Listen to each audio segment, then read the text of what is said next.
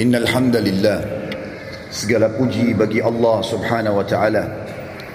Nahmaduhu wa nasta'inuhu wa nastaghfiruh hanya kepadanya kita selalu memuji meminta pertolongan serta bertaubat dari dosa-dosa kita. Wa na'udzu billahi min syururi anfusina. Dan hanya kepada Allah pula kita meminta agar dijauhkan dari keburukan-keburukan diri kita. Wa min sayyiati a'malina. Dan dari segala dosa yang pernah kita lakukan May yahdihillahu fala mudillalah. Barang siapa yang telah Allah berikan petunjuk maka tidak akan pernah sesat selamanya. Wa may yudlilhu fala hadiyalah. Dan barang siapa yang telah Allah akan Allah sesatkan maka tidak akan mendapatkan petunjuk selamanya. Ashhadu an la ilaha illallah wahdahu la syarikalah wa asyhadu anna Muhammadan abduhu wa rasuluh. Saya bersaksi tidak Tuhan yang berhak disembah kecuali Allah dan Muhammad benar-benar hamba juga utusannya. Qala Allah Ta'ala Allah mengingatkan dalam kitabnya Ya ayuhalladzina amanu haqqa tuqatihi wa la tamutunna illa wa antum muslimun Hai sekalian orang-orang yang beriman bertakwalah hanya patuh dan tunduklah kepada satu-satunya pencipta segala sesuatunya yaitu Allah baik yang di langit di bumi yang di kedalaman lautan sebenar-benar patuh dan tunduk dan jangan pernah kalian meninggal dunia kecuali dalam keadaan Islam. Di ayat yang lain Allah pun berfirman qala Allah taala ya ayuhan nasu taqu rabbakum alladhi khalaqakum min nafsin wahidah wa khalaqa minha zawjaha batha minhuma rijalan katsiran wa nisaa wattaqullaha alladhi tasaaluna bihi wal arham innallaha kana alaikum raqiba Hai sekalian manusia Sekali lagi bertakwalah. Hanya patuh dan tunduklah kepada Allah. Yang halal yang ia halalkan. Yang haram yang ia haramkan. Yang telah menciptakan kalian dari jiwa yang satu itu Adam AS Dan telah menciptakan dari jiwa yang satu istrinya Hawa AS Dan telah banyak memberikan keturunan laki-laki juga perempuan dari keduanya. Sekali lagi bertakwalah kepada Allah. Dan jagalah hubungan silaturahim. Sesungguhnya Allah senantiasa mengawasi kalian Di ayat yang ketiga, qala Allah Ta'ala, Ya ayyuhalladzina amanu taqullaha wa qulu qawlan sadida yuslih lakum a'malakum wa yakfir lakum dhunubakum wa man yuti'i Allah wa rasulahu faqad faza fawzan 'azima. Hai sekalian orang-orang yang beriman, sekali lagi bertakwalah, hanya patuh dan tunduklah kepada Allah dan ucapkan kalimat yang benar. Niscaya dia akan memperbaiki amal-amal perbuatan kalian, mengampuni dosa-dosa kalian Barang siapa yang mentaati Allah dan Rasulnya Sesungguhnya dia telah mendapatkan kemenangan yang besar. Amma ba'd Fa inna asdaqal hadithi kitabullah. Kita tahu sebaik-baik rujukan umat Islam Dalam segala lini kehidupan mereka Terutama ibadah adalah kitabullah Al-Quran. Wa khair hadyu Hadyu Muhammadin sallallahu ala alihi wa sahbihi wa sallam. Dan sebaik-baik petunjuk setelah Al-Quran Adalah petunjuk baginda Nabi besar Muhammad sallallahu ala alihi wa sahbihi wa sallam wa syarrul umuri muhdatsatuha. Dan seburuk-buruk perbuatan dalam ibadah tidak punya rujukan dari keduanya. Fa inna kullu muhdatsin bid'ah. Karena perbuatan ibadah tidak punya rujukan dari wahyu dikenal dengan perbuatan baru dalam agama. Wa nabidatin dhalalah perbuatan baru tak akan membawa pelakunya pada kekeliruan. Dan final akan membawa pelakunya ke dalam api neraka. Saudaraku si iman rahimani wa rahimakumullah. Apa yang saya bacakan tadi dikenal dengan khutbah hajah. Baginda Nabi besar Muhammad sallallahu alaihi wasallam tidak pernah menemukan momen-momen penting di antaranya khutbah Jumat, dua khutbah hari raya Idul Fitri dan Idul Adha, juga pada saat akan mengirim pasukan atau dalam momen-momen yang lainnya pun kecuali beliau selalu mengingatkan umat Islam agar memahami tiga ayat pentingnya patuh dan tunduk kepada Allah yang sudah saya bacakan tadi dan juga bagaimana mereka dalam ibadah kembali kepada wahyu Al-Quran dan Sunnah. Kesempatan ini teman-teman sekalian saya akan menyampaikan sebuah judul Wahai Muslim, kematian sedang mengejarmu. Ada satu fenomena teman-teman sekalian yang kita semua bisa lihat di depan mata kita. Yaitu masalah kematian.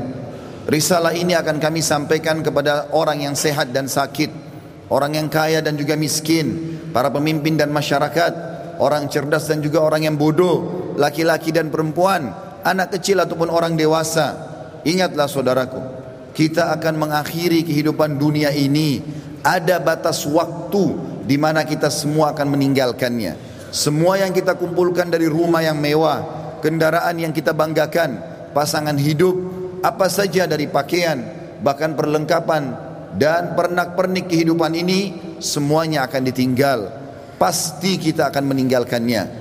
Nabi SAW bersabda dalam sebuah hadis yang sahih, kalau anak Adam meninggal dunia akan ikut bersamanya ke kuburan tiga, keluarganya, hartanya dan amalnya serta akan pulang dua, keluarganya akan pulang.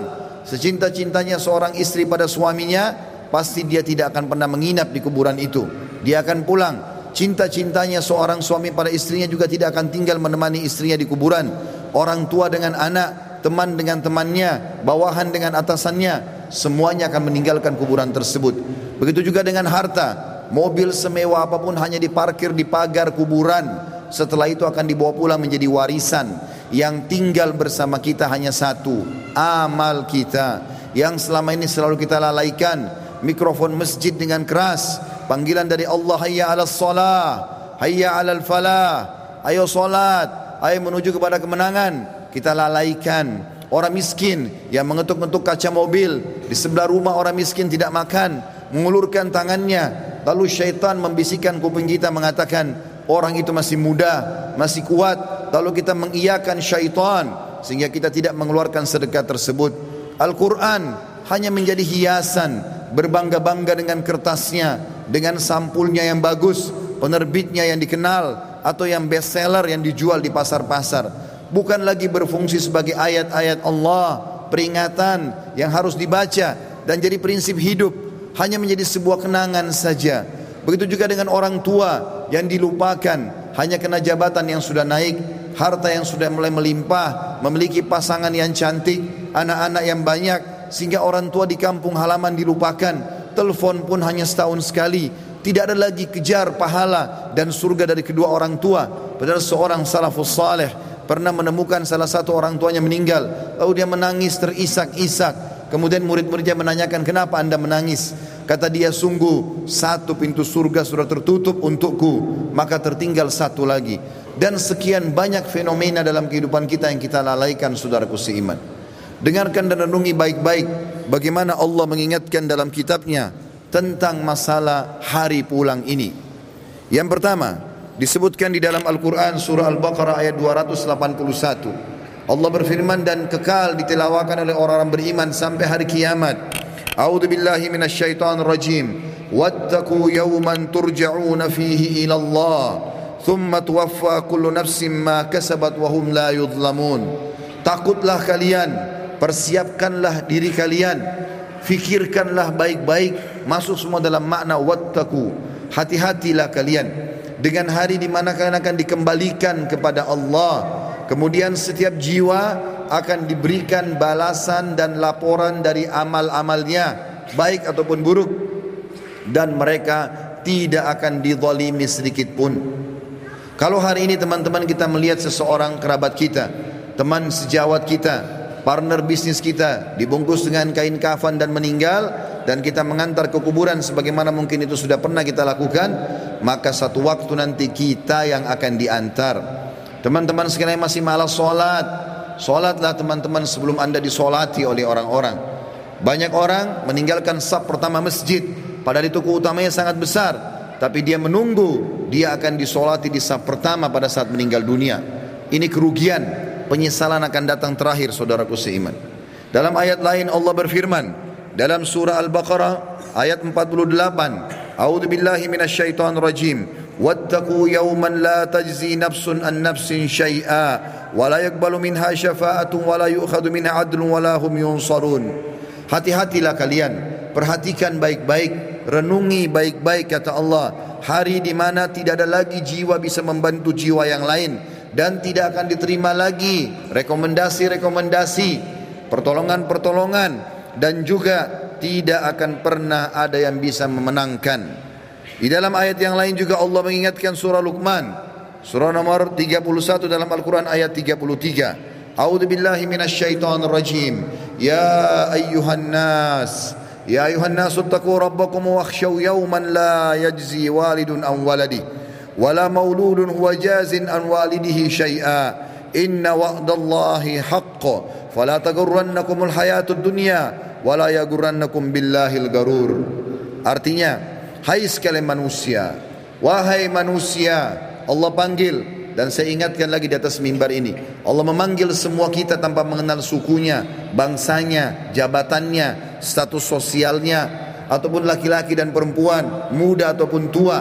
Allah mengatakan wahai manusia takutlah kalian kepada Tuhan kalian dan khawatirlah terhadap hari di mana tidak akan ada lagi pertolongan tidak ada orang tua bisa menolong anaknya dan tidak lagi anak-anak bisa menolong orang tuanya Sesungguhnya janji Allah pasti benar.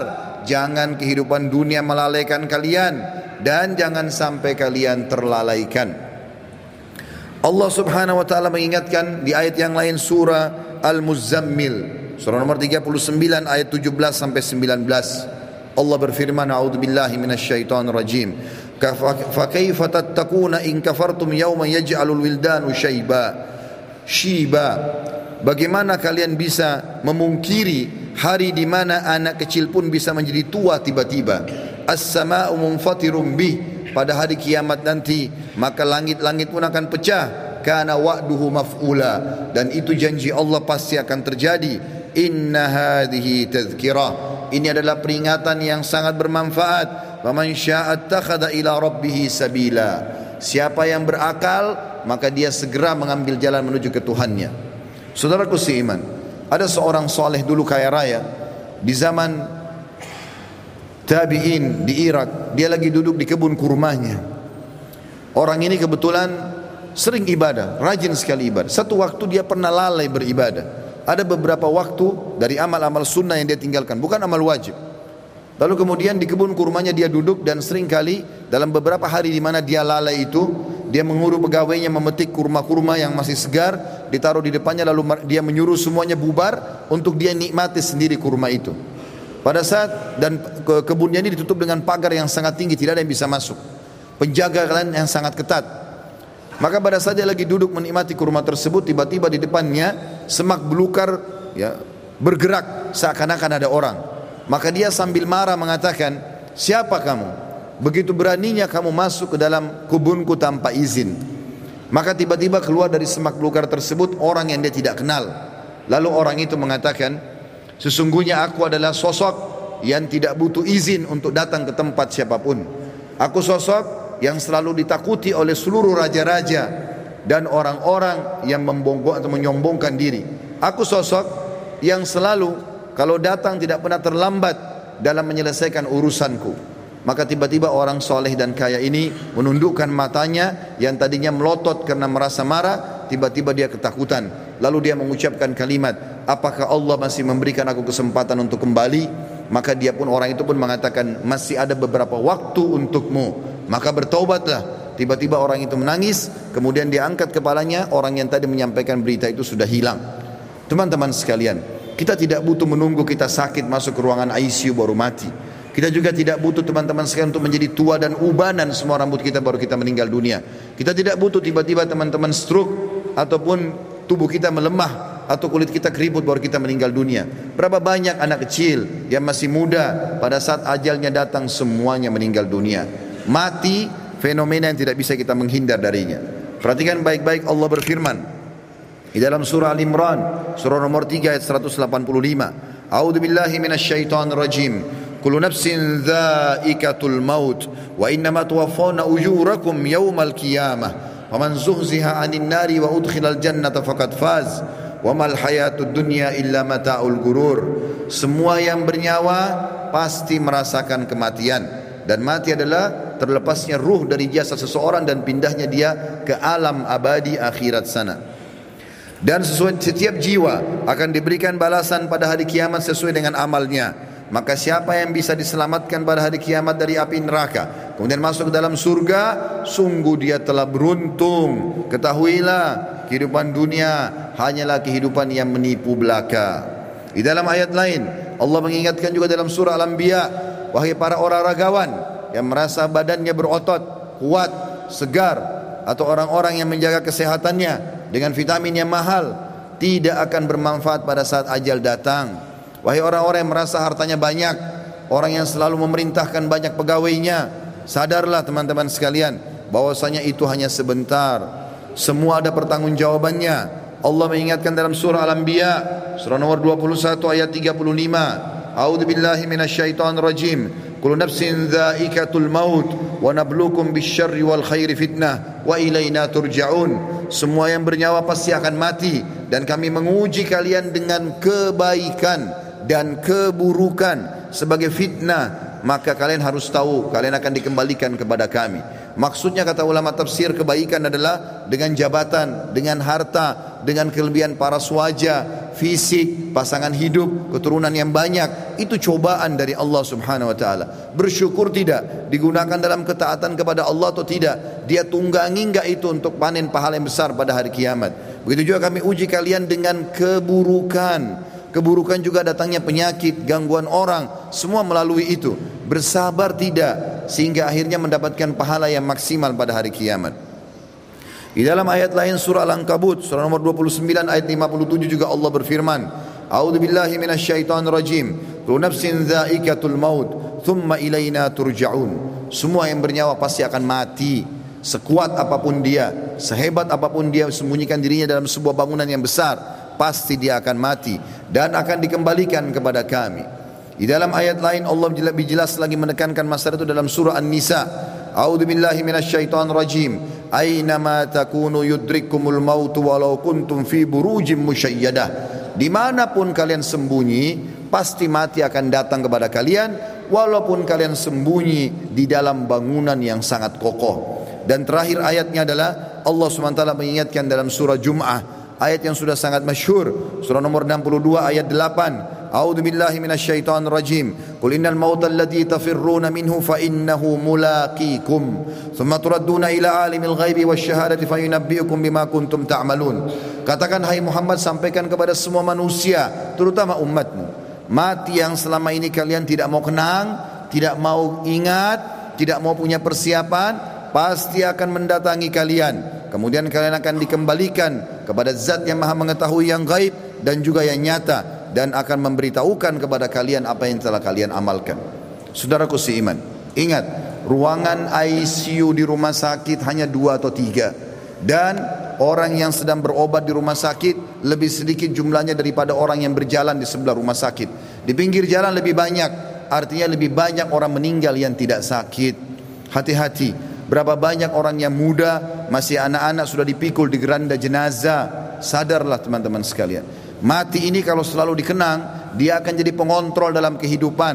Maka kita hanya selalu tahu yang kita nikmati yang halal, yang kita kerjakan yang diperintahkan oleh Sang Pencipta Allah dan semua yang haram, bahkan yang makruh pun akan ditinggalkan. Mati adalah pengawas yang sangat baik Makanya kata Nabi SAW dalam sebuah hadis, kafa bil mauti dzakira. Cukup, cukuplah mati itu akan menjadi peringatan bagi orang-orang. Demikian juga kata Nabi SAW dalam hadis mengingatkan kepada kita melengkapkan ayat-ayat tadi yang saya bacakan. Di dalam sebuah hadis yang sahih kata Nabi SAW, akthiru, akthiru zikra hadimal ladzat. Ingatlah selalu dan perbanyak ya mengingat sesuatu yang menghancurkan semua kenikmatan yakni al-maut atau itu adalah kematian fa innahu lam yadhkuruhu ahadun fi diqi min al-aishi illa tidak ada orang yang mengingat mati pada saat dia sedang sempit kehidupannya. Lagi ada masalah besar yang dia hadapi kecuali akan melapangkan hidupnya. Oh ternyata saya akan mati. Maka penyakitnya jadi ringan. Utang-utang yang berat pun jadi ringan. Dan dia berusaha untuk menyelesaikan sebelum mati menyambutnya. Wala dzakarahu fi sa'atin illa dayyakahu alaihi.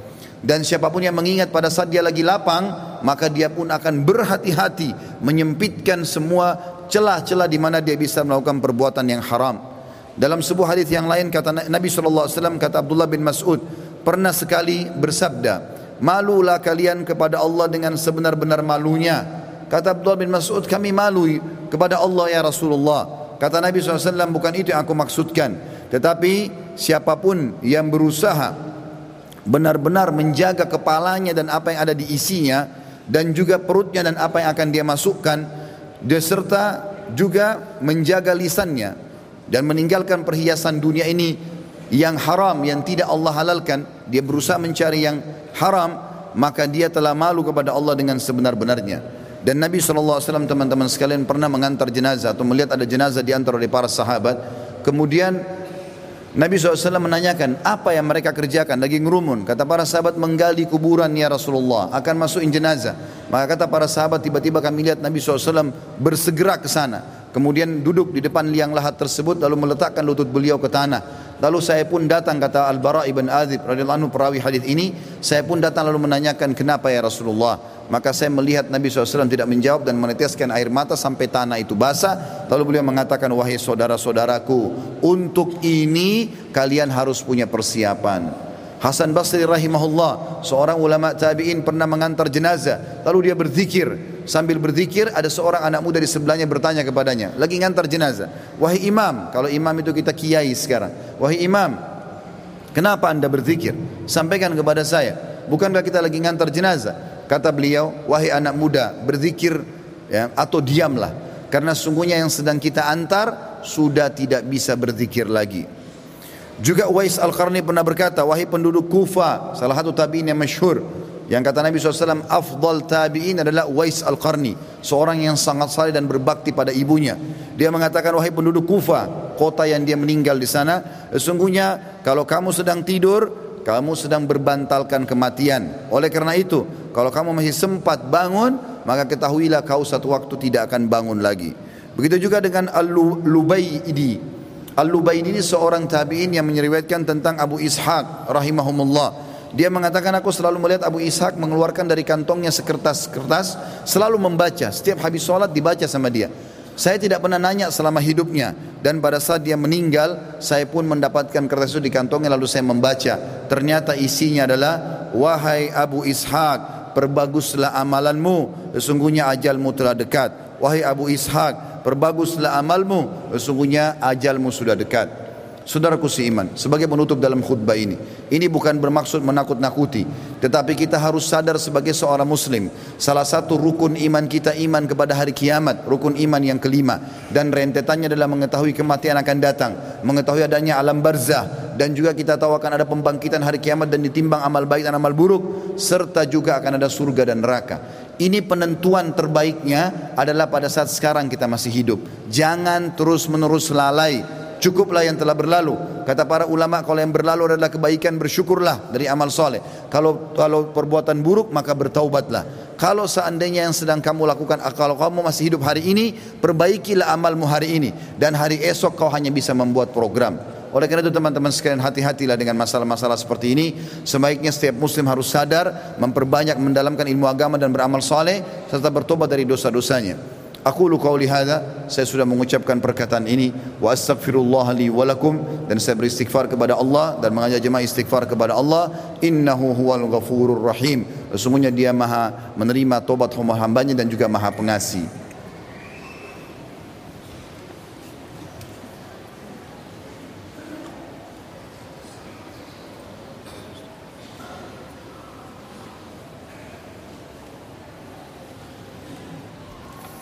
Alhamdulillah wassalatu wassalamu ala rasulillah.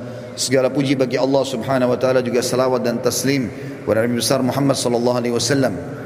Sebelum berdoa teman-teman sekalian Uthman bin Affan radhiyallahu anhu di masa akhir hidup beliau Uthman bin Affan tidak ada seorang muslim pun mungkin yang tidak mengenalnya. Anak mantu Nabi sallallahu alaihi wasallam dan dijamin baginya surga. Pernah membaca ayat tentang kuburan. Hatta zurtumul maqabir Kemudian beliau menangis, meneteskan air mata sampai pipinya semua basah, jenggotnya basah dan Qur'annya pun yang dia pakai baca basah. Sampai karena tidak tahan lagi dia pingsan. Istrinya datang membangunkan tidak bisa bangun. Lalu istrinya memanggil beberapa sahabat yang masih hidup waktu itu. Kemudian mengatakan coba lihat Uthman. Mereka pun datang membangunkan tidak bangun sampai dipercikan air berulang kali barulah Uthman bangun. Lalu ditanya oleh beberapa sahabat, "Wahai Uthman, kenapa Anda sampai pingsan baca Al-Qur'an?" Kata dia, saya membaca ayat tentang kuburan, maka saya pun ketakutan. Maka kata orang-orang di sekitarnya, e, apakah kamu takut sementara kamu ini siapa?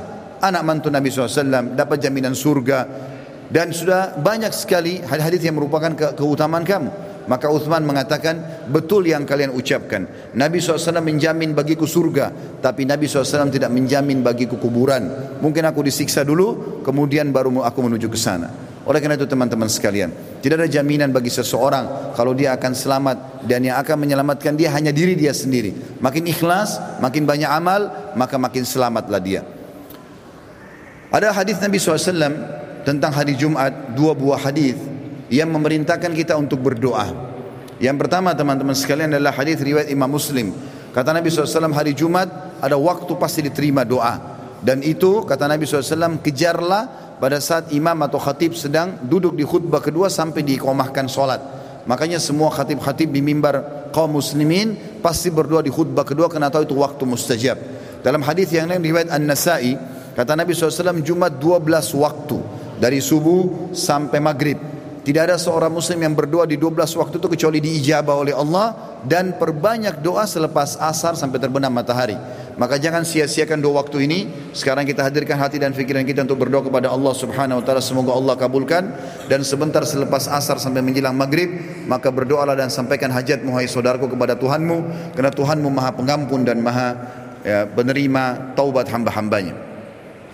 Alhamdulillahi alamin. Kami memujimu ya Allah sebagaimana layak kau dipuji sebagai pencipta. Kami tahu dan yakin engkau sedang melihat kami kerana engkau maha melihat. Mendengar kami kerana engkau maha mendengar. Dan mengetahui semua niat dan gerak geri kami kerana engkau maha mengetahui. Kami tidak berkumpul di rumahmu ini ya Allah. Kecuali untuk menjalankan salah satu perintahmu. Maka terimalah amal ini dengan pahala yang sempurna. Ya Allah, terimalah seluruh amal-amal kami yang telah kami lakukan.